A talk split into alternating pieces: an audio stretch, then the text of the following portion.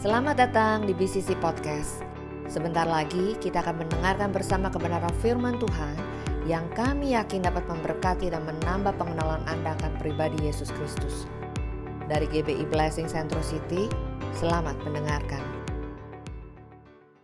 Hari ini tema khotbah saya adalah mengapa engkau tidak percaya dan bimbang kepada Tuhan. Seringkali kita anak-anak Tuhan kita tidak percaya atas kuasa Tuhan. Seringkali kita sebagai orang Kristen kadangkala kita ragu, kadangkala kita bimbang atas kuasa Tuhan yang harusnya bisa menolong saudara dan saya. Dan akhirnya karena saudara tidak percaya, karena saudara bimbang, karena saudara ragu, maka sering kali ada kekhawatiran, ada ketakutan dalam kehidupan saudara. Oleh sebab itu saudara, mari kita lihat firman Tuhan yang terambil dari Matius pasal 14 ayat 13 sampai ke 33. Matius pasal 14 ayat 13 sampai 33. Hari ini kita akan belajar ada sebuah peristiwa yang sangat menarik saudaraku. Peristiwa itu sangat penting, peristiwa itu sangat luar biasa. Karena peristiwa-peristiwa itu ada mujizat-mujizat yang Tuhan berikan dalam kehidupan kita. Karena firman Tuhan ini agak panjang, ayatnya sampai ke 20 20 ayat saudaraku. Oleh sebab itu saya mau kita baca berganti-gantian. Saya akan membaca ayat yang bernomor ganjil, kemudian saudara membaca ayat yang bernomor genap.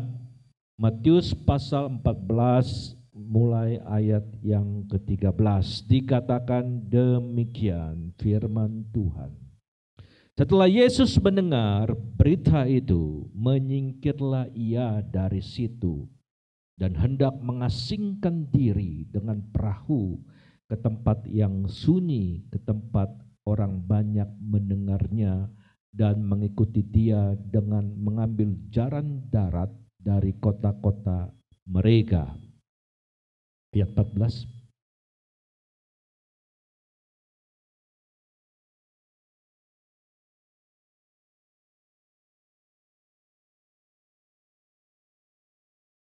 Menjelang malam murid-muridnya datang kepadanya dan berkata, Tempat ini sunyi dan hari sudah mulai malam.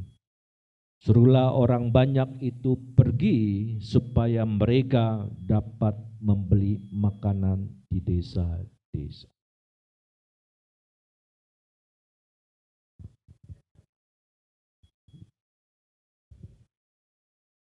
Jawab mereka yang ada pada kami di sini hanya lima roti dan dua ikan. Lalu disuruhnya orang banyak itu duduk di rumput dan setelah diambilnya lima roti dan dua ikan itu, Yesus menengada ke langit dan mengucap berkat lalu memecah-mecahkannya. Roti itu memberikannya kepada murid-muridnya, lalu murid-muridnya membagi-bagikannya kepada orang banyak.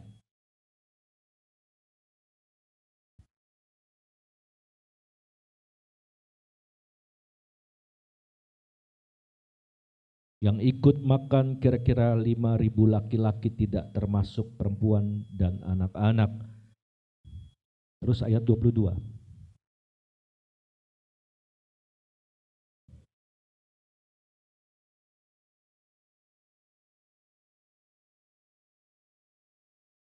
Dan setelah orang banyak itu disuruhnya pulang, Yesus naik ke atas bukit untuk berdoa seorang diri. Ketika hari sudah malam, ia sendirian di situ.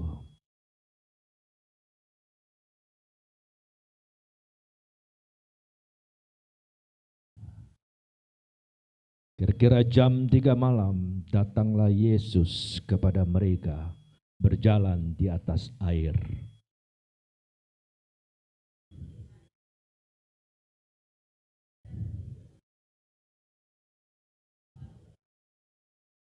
Tetapi segera Yesus berkata kepada mereka, "Tenanglah, aku ini, jangan takut."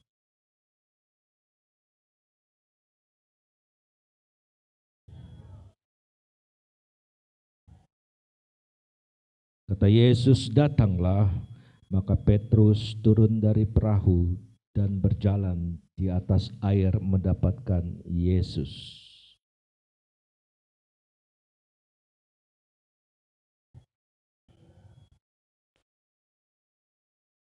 Segera Yesus mengulurkan tangannya, memegang dia dan berkata, "Hai orang yang kurang percaya, mengapa engkau bimbang.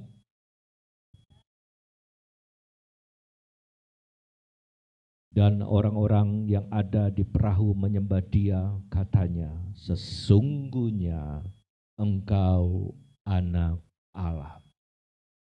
Saudara dikasih lihat Tuhan, kalau saudara mengamati firman Tuhan yang telah kita baca dan telah kita dengar bersama-sama, di mana pun Yesus berada, di mana pun Yesus melakukan pelayanannya, maka pastinya banyak orang yang mengikuti Yesus.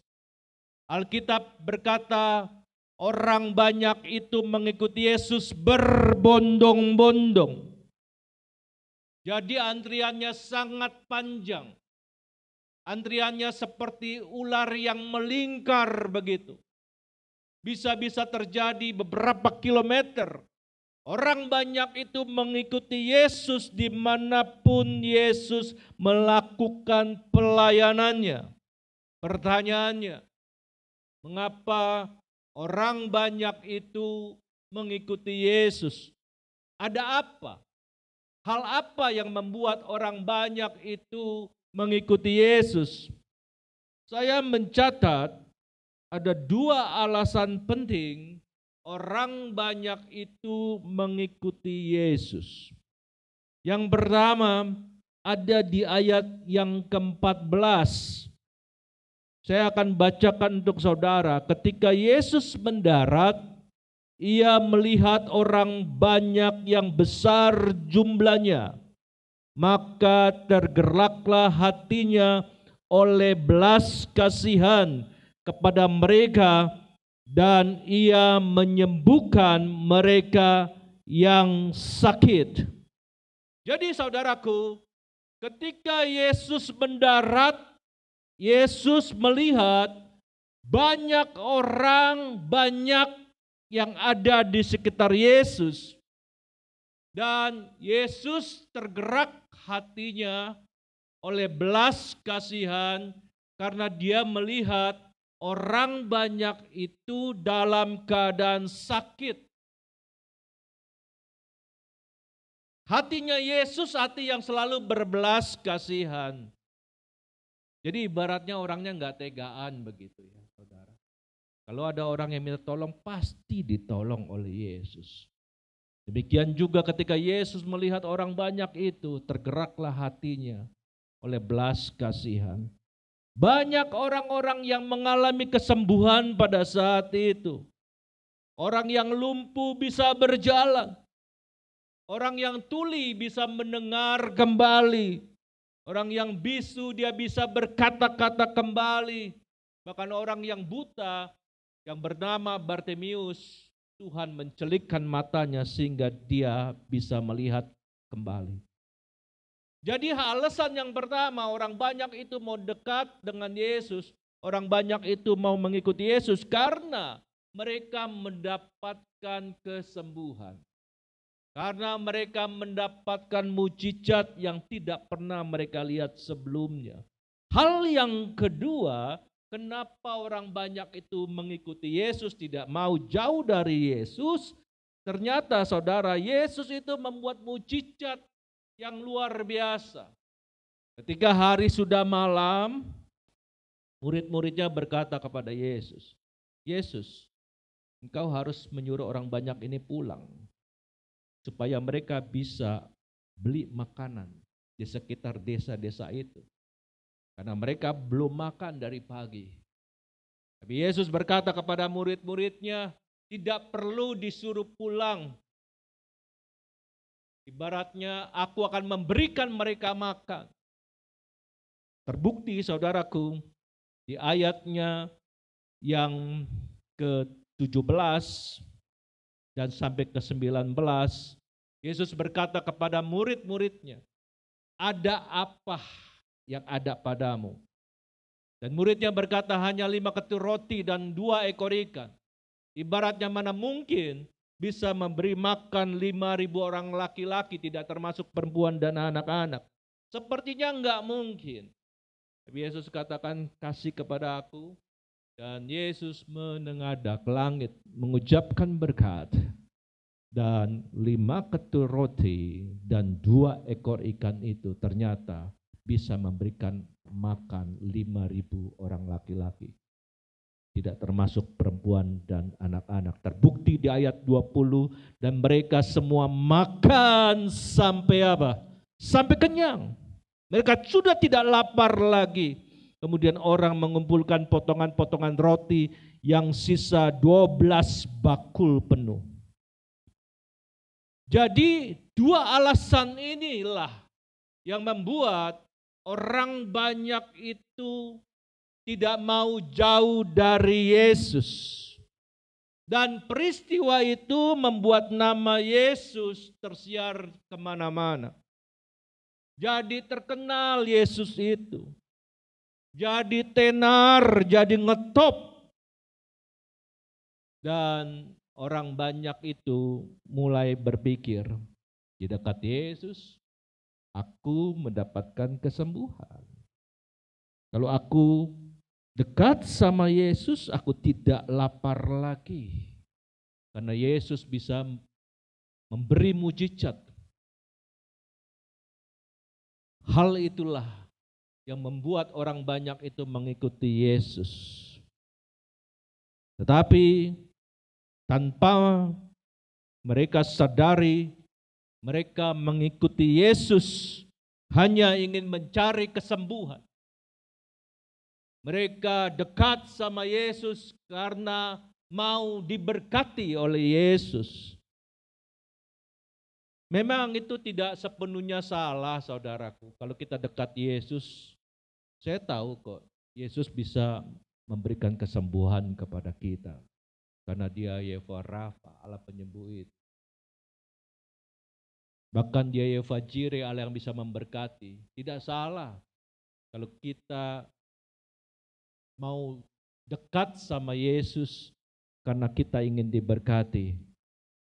Akan tetapi sesungguhnya kalau saudara hanya ingin berjumpa dengan Yesus, hanya ingin mengalami kesembuhan, atau saudara berjumpa dengan Yesus karena ingin hidupnya diberkati, saya pikir kekristenan kita sangat standar sekali.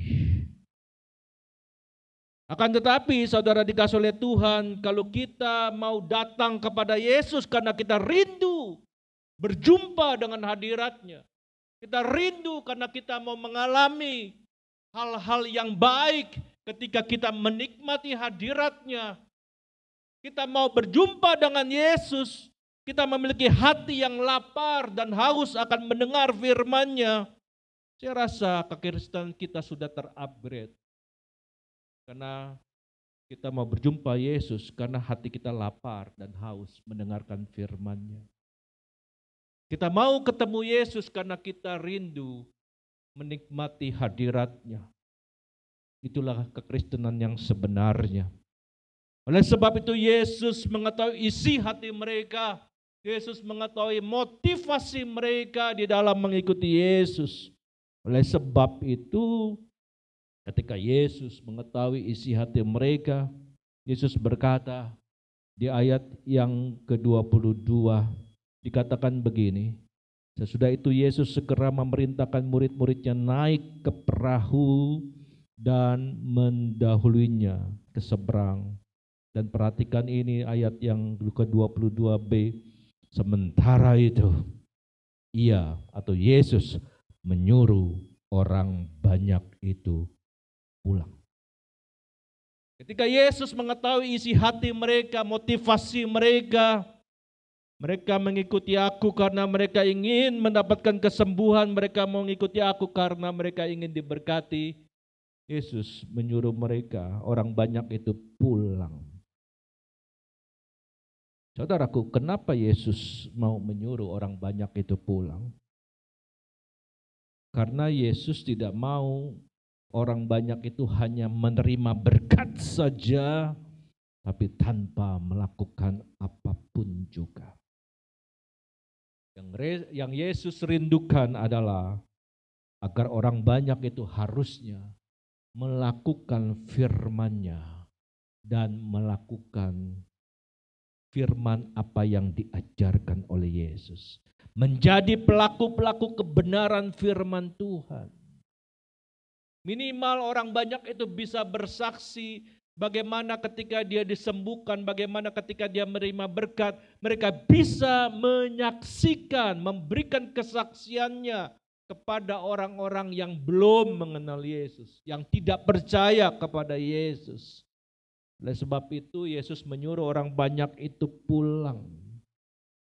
Sebenarnya Yesus ingin mereka mengalami sebuah perubahan dari manusia yang lama menjadi manusia yang baru perubahan hidup, perubahan hidup lebih baik lagi. Setidak-tidaknya mereka harus melihat mujizat itu dan mereka bertobat atas kelakuan yang tidak benar. Bahkan mereka bisa menyaksikan apa yang mereka saksikan itu kepada orang yang tidak percaya kepada Yesus. Jadi orang Kristen kelakuan kita bukan kelakuan yang murahan Pak. Saya ingin beritahu kepada saudara, kita adalah anak-anak raja, anak-anak Tuhan. Jadi kelakuan kita itu selalu dilihat oleh orang dunia. Apa kata dunia nanti? Kalau kita orang Kristen, kelakuannya begitu murah. Saudara, saudara pasti tahu yang namanya dongdong. Kedongdong ya, buah kedongdong. Yang kedua, saudara pasti tahu namanya buah durian. Saya juga penggemar durian, saudaraku. Kalau kedongdong itu kulitnya licin luarnya. Tetapi dalamnya penuh dengan serat seperti duri yang menusuk. Kalau durian berbeda dengan kedongdong. Malah di depannya banyak duri-duri yang tajam. Kalau kita salah megang durian, kita bisa berdarah. Kita bisa tertusuk. Tetapi perhatikan di dalamnya. Di dalamnya itu lembut. Di dalamnya itu buah itu harum ya buah itu manis. Kadang kekristenan kita seperti kedongdong. Di luarnya saja licin. Dilihat orang baik, tetapi di dalamnya menyimpan kepahitan. Ada duri yang selalu menusuk. Di dalamnya menyimpan selalu iri hati.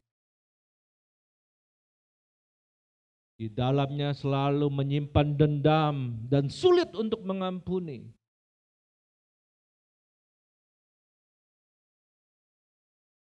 Harusnya kita seperti buah durian. Walaupun di luarnya kelihatannya kasar, kelihatannya cuma kelihatannya. Tetapi sesungguhnya di dalamnya hatinya lembut, hatinya penuh dengan pengampunan. Hatinya tidak ada dendam. Hatinya tidak ada kepahitan. Seperti buah durian manis. Jadi itulah kekristenan yang sesungguhnya kalau kita sebenarnya menjadi sebuah durian. Walaupun kelihatannya orangnya, kelihatannya kok galak, kelihatannya, tapi hatinya lembut. Firman Tuhan katakan di Matius 5 ayat 16, hendaklah terangmu itu bercahaya di depan orang, supaya mereka bisa melihat perbuatan-perbuatanmu yang baik, dan engkau akan memuliakan Bapamu yang di surga.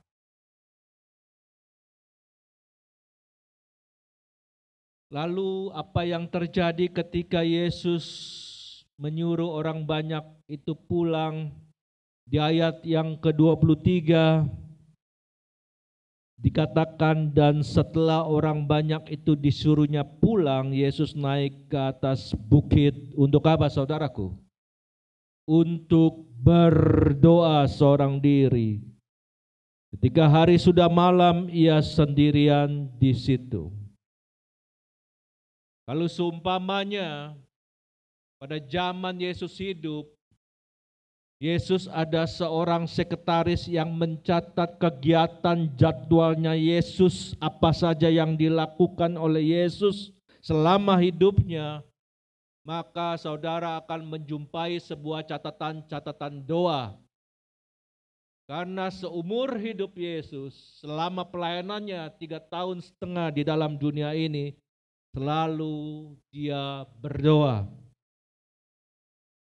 Ketika Yesus dibaptis, Yesus berdoa. Ketika Yesus dicobai oleh si setan itu, si jahat itu, Yesus tetap berdoa. Sebelum Yesus memilih 12 muridnya, Yesus berdoa. Bahkan ketika Yesus berada di kayu salib, berada di atas kayu salib, dia tetap berhubungan dengan Bapa di surga dan berkata, Eloi, Eloi, lama sabatani.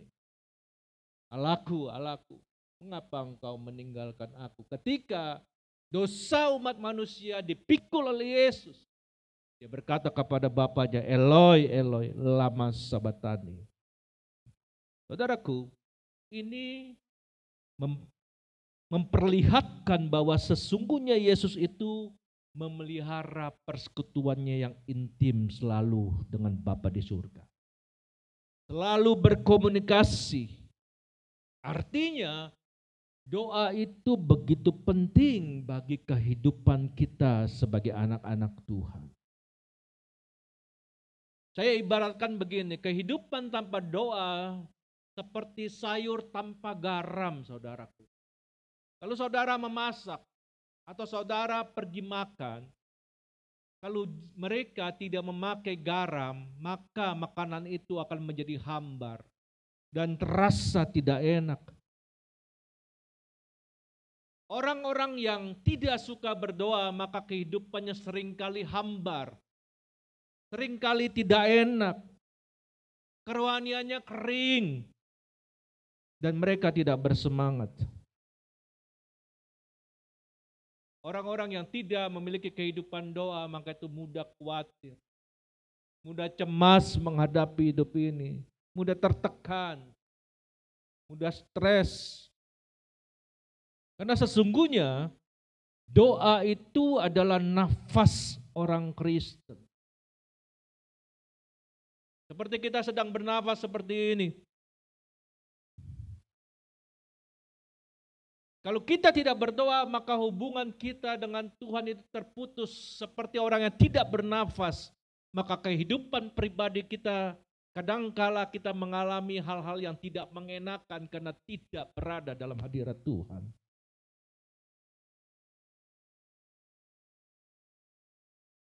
Doa ini akan membuat kita menjadi orang yang lebih tangguh menghadapi hidup ini. Karena Yesus tahu bahwa kita ada sering kali kita tidak percaya atas kuasa Tuhan. Sering kali kita bimbang dan ragu atas kuasanya. Bukankah kota Niniwe, saudaraku, hendak ditunggang balikan, hendak dihancurkan, akan tetapi ketika rakyatnya berdoa, ketika rakyatnya berpuasa, kota Niniwe tidak jadi ditunggang balikan, tidak jadi dihancurkan. Dan malah petaka itu tidak terjadi. Karena rakyatnya berdoa dan berpuasa.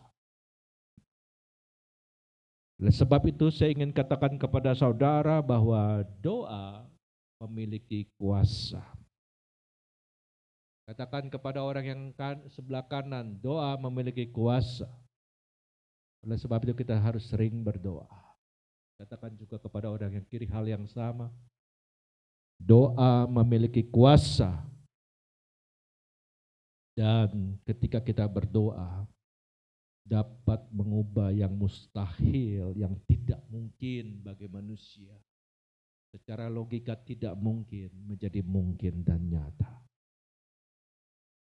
Yakubus berkata di Yakubus 5 ayat 16 berkata, doa orang yang benar jika yakin didoakan akan besar kuasanya. Bukan kecil kuasanya, akan besar kuasanya. Kalau kita yakin apa yang kita doakan. Ayo mulai berdoa umat Tuhan. Jemaat Tuhan harus suka berdoa. Membangun hubungan yang erat, yang intim dengan Bapa di surga. Kita ya orang tua ya yang sudah memiliki anak ya, kita juga harus berdoa untuk anak-anak kita. Saudaraku, sampai per hari ini anak-anak kami sebelum mereka berangkat kerja, waktu sebelum kerja dulu mereka masih kecil. Mereka masih kecil, kami lepas selalu dengan doa. Sebelum mereka bersekolah, kami lepas mereka dengan doa. Kami doakan mereka dari kecil Sampai mereka bersekolah sampai sekarang sudah bekerja tetap kami lepas mereka dengan doa. Kita sebagai orang tua harus seperti itu. Mendoakan anak-anak kita. Agar Tuhan lindungi anak-anak kita. Agar Tuhan memberikan roh kepandaian, kecerdasan seperti Daniel.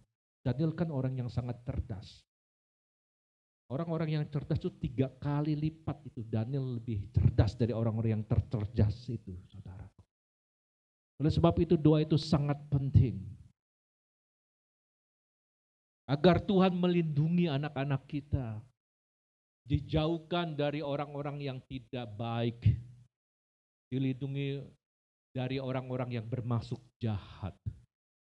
Kita berdoa selalu sebagai orang tua agar malaikat Tuhan itu menjaga, melindungi. Dan itulah tugas kita sebagai orang tua.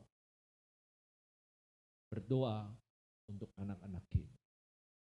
Kalau kita suka berdoa untuk anak-anak kita, percayalah anak-anak kita bukan anak-anak yang nakal.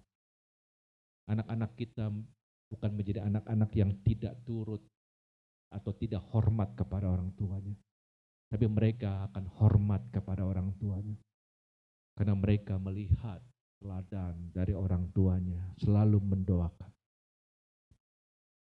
Lanjut di ayat ke-24. Apa yang terjadi ketika Yesus sudah berdoa, perahu murid-muridnya sudah beberapa mil jauhnya. Jadi perhatikan ya saudaraku. Ketika Yesus sedang berdoa, murid-muridnya pergi ke laut. Tapi apa yang terjadi di ayat 24, perahu murid-muridnya sudah beberapa mil jauhnya dari pantai. Apa yang terjadi saudaraku? Mereka diombang-ambingkan gelombang karena apa? Karena angin sekal. Biasanya saudaraku di Galilea ini tenang dan teduh. Tapi tiba-tiba datang angin sakal. Angin sakal ini yang membuat gelombang yang sangat besar dan Alkitab mengatakan gelombang itu membuat perahu murid-muridnya terombang-ambing dan air mulai masuk ke dalam perahu itu. Angin sakal, gelombang yang besar itu ombak yang besar itu adalah gambaran dari masalah hidup kita. Seringkali angin sakal, ombak, menerjang, menerpa, perahu, pekerjaan kita, perahu ekonomi kita, perahu rumah tangga kita, mengombang-ambingkan perahu kesehatan kita.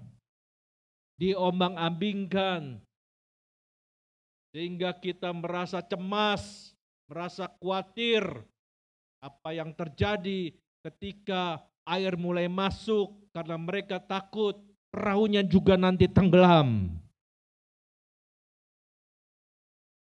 Seperti yang juga yang dialami oleh murid-murid Yesus ini, saudaraku. Tapi saudara perhatikan kembali, saudaraku, di ayat yang ke-25. Ketika perahu mereka diombang-ambingkan oleh gelombang karena angin sakal, kira-kira jam 3 malam datanglah Yesus kepada mereka berjalan di atas air. Apakah maksud dari berjalan di atas air. Artinya, saudaraku, gelombang sebesar apa pun yang kau alami sudah berada di kakinya Yesus. Karena Yesus berjalan di atas air. Memberikan sesuatu bahwa persoalan sebesar apa pun sudah berada di kakiku. Oleh sebab itu engkau tidak boleh tidak percaya kepadaku. Engkau tidak boleh bimbang kepadaku. Engkau tidak boleh ragu kepadaku. Karena akulah sumber kuasa itu. Kenapa engkau cemas? Kenapa engkau takut? Kenapa engkau khawatir dalam hidup ini? Apakah engkau meragukan atas kuasaku? Buktinya ombak yang sebesar itu saja sudah berada di kakiku. Karena aku berjalan di atas air. Berjalan di atas persoalanmu. Gelombang sebesar apa pun itu lebih kecil dari Tuhan kita yang sangat besar itu. Dan apa yang terjadi saudara dikasih oleh Tuhan, ini aneh ya murid-muridnya Yesus. Ketika dia melihat Yesus berjalan di atas air, mereka malah terkejut dan berseru, itu hantu, itu hantu. Dan mereka berteriak-teriak karena apa? Karena takut. Murid-murid Yesus padahal beberapa waktu yang lalu mereka melihat mujizat yang Tuhan berikan dalam hidupnya. Beberapa waktu yang lalu mereka melihat orang banyak disembuhkan. Mereka melihat begitu banyak demonstrasi kuasa Allah yang terjadi. Bahkan dengan lima ketur roti dan dua ekor ikan, Yesus bisa memberikan makan. Ini kan mujizat. Tapi mereka mengatakan mereka ketakutan, mereka tidak tahu sesungguhnya bahwa Yesus yang berjalan di atas air. Mereka malah berseru itu hantu.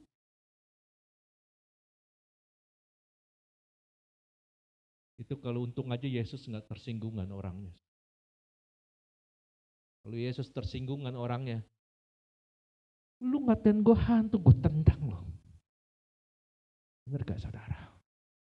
Tapi untung aja Yesus selalu memiliki belas kasih. Yesus orangnya tidak baperan. Oleh sebab itu kita tidak boleh baperan. Soal orang sebelah kanan jangan baper ya. Well juga orang yang sebelah kiri, jangan baper. Yesus aja nggak baperan tuh dikatakan hantu, dia nggak marah sama murid-murid. Ya. Lalu perhatikan lagi ya saudaraku. Ini cerita sangat menarik sekali. Kita mulai dari ayat 26 dulu ya. Ketika murid-muridnya melihat dia berjalan di atas air, mereka terkejut dan berseru itu hantu.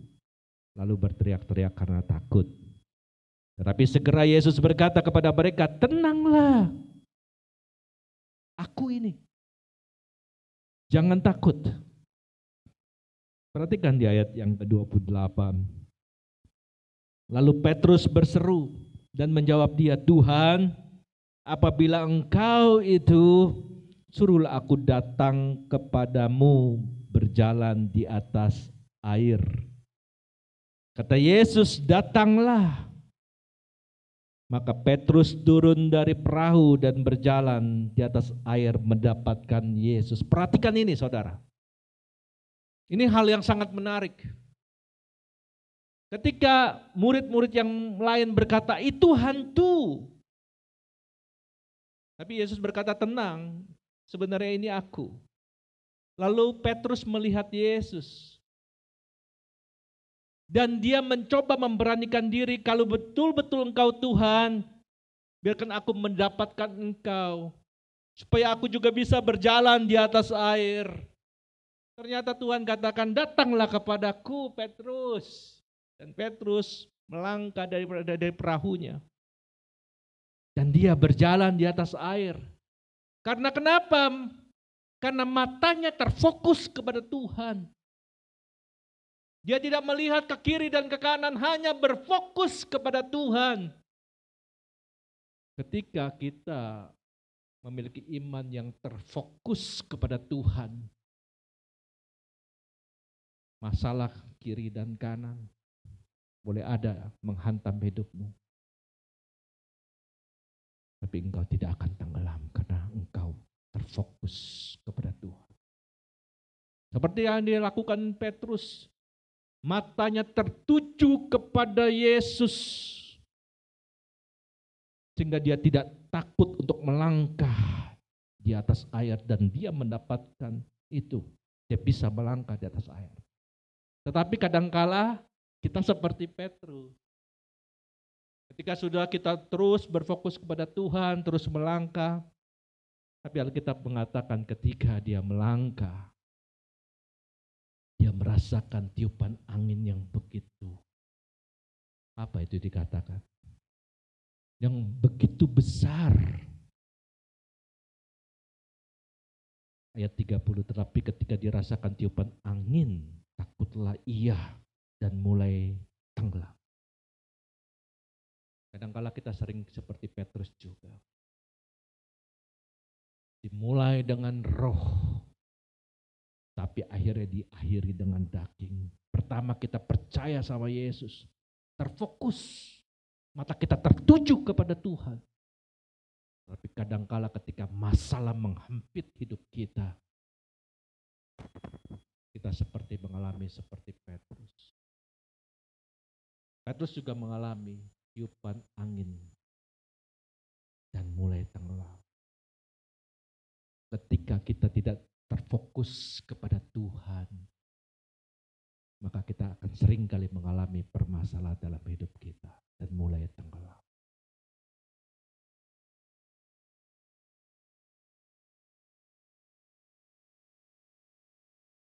Ayat 31.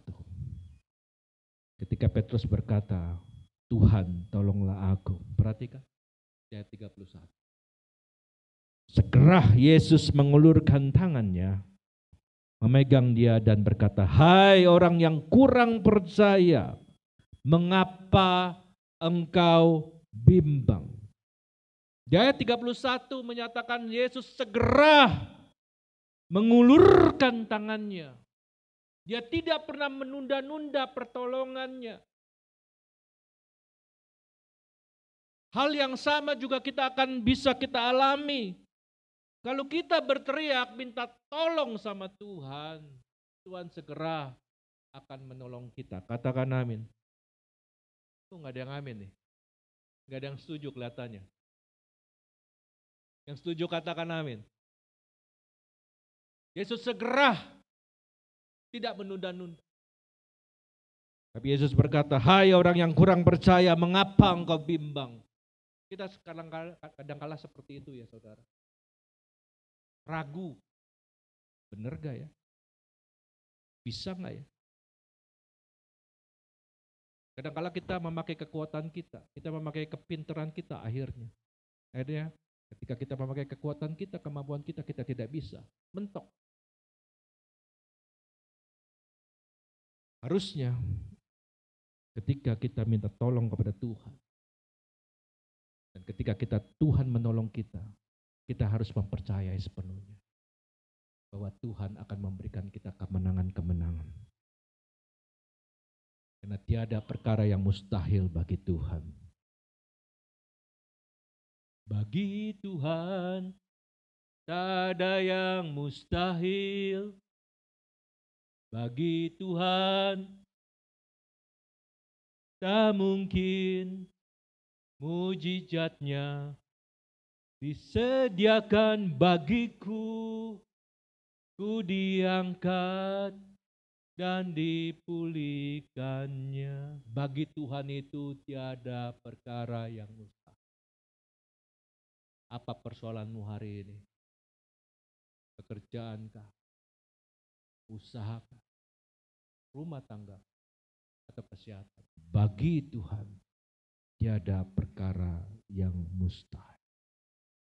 Karena Tuhan akan segera menolongnya dan dia tidak pernah menunda-nunda. Oleh sebab itu firman Tuhan hari ini, tidakkah engkau percaya kepada Tuhan? Masihkah engkau ragu sama Tuhan? Kalau dulu saudara pernah ditolong, hari ini pun Tuhan yang sama pasti akan menolong kita. Tuhan yang sama pasti akan memberikan mujizat kepada kalau dulu engkau mengalami proses demi proses, tetapi Tuhan tidak pernah meninggalkanmu, Tuhan yang sama juga. Tuhan pasti akan menyertai kita semua. Tuhan tidak akan membiarkan kita hidup di padang gurun.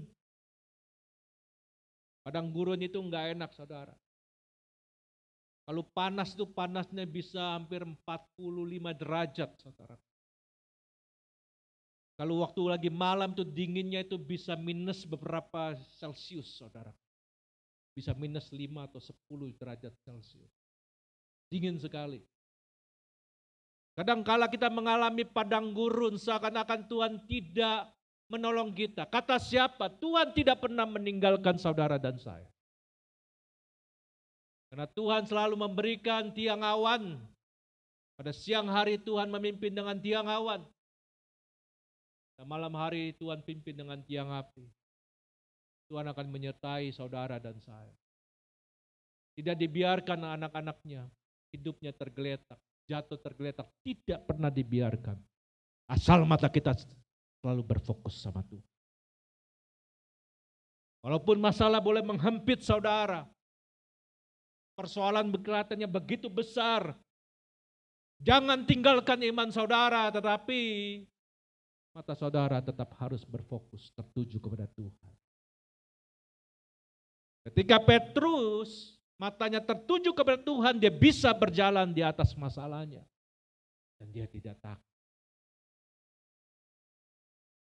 Ayo hari ini, jangan ragu sama Tuhan. Ayat yang terakhir, Yesaya 41 ayat yang ke-10.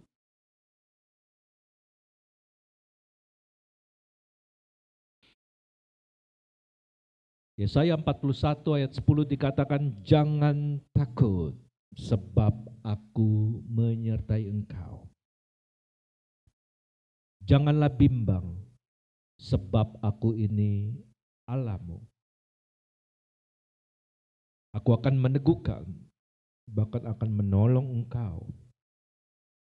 Aku akan memegang engkau dengan tangan kananku yang membawa apa? Kemenangan. Ayat 13. Sebab ini sebab aku ini Tuhan Allahmu memegang tangan kananmu dan berkata kepadamu janganlah akulah yang menolong engkau. Haleluya. Hari ini pesan Tuhan untuk kita semua. Kita harus tetap percaya kepada Tuhan. Yang memiliki bumi, langit, dan seluruh isinya, yang memiliki kuasa itu. Dan kita tidak boleh ragu dan bimbang atas kuasa. Haleluya.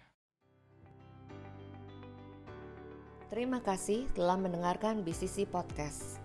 Kami berharap firman Tuhan hari ini memberkati dan menguatkan Anda lebih lagi. Untuk informasi lebih lanjut mengenai GBI Blessing Centro City, Anda dapat mengaksesnya melalui Instagram at Blessing. Sampai bertemu di BCC Podcast minggu depan. Tuhan Yesus memberkati.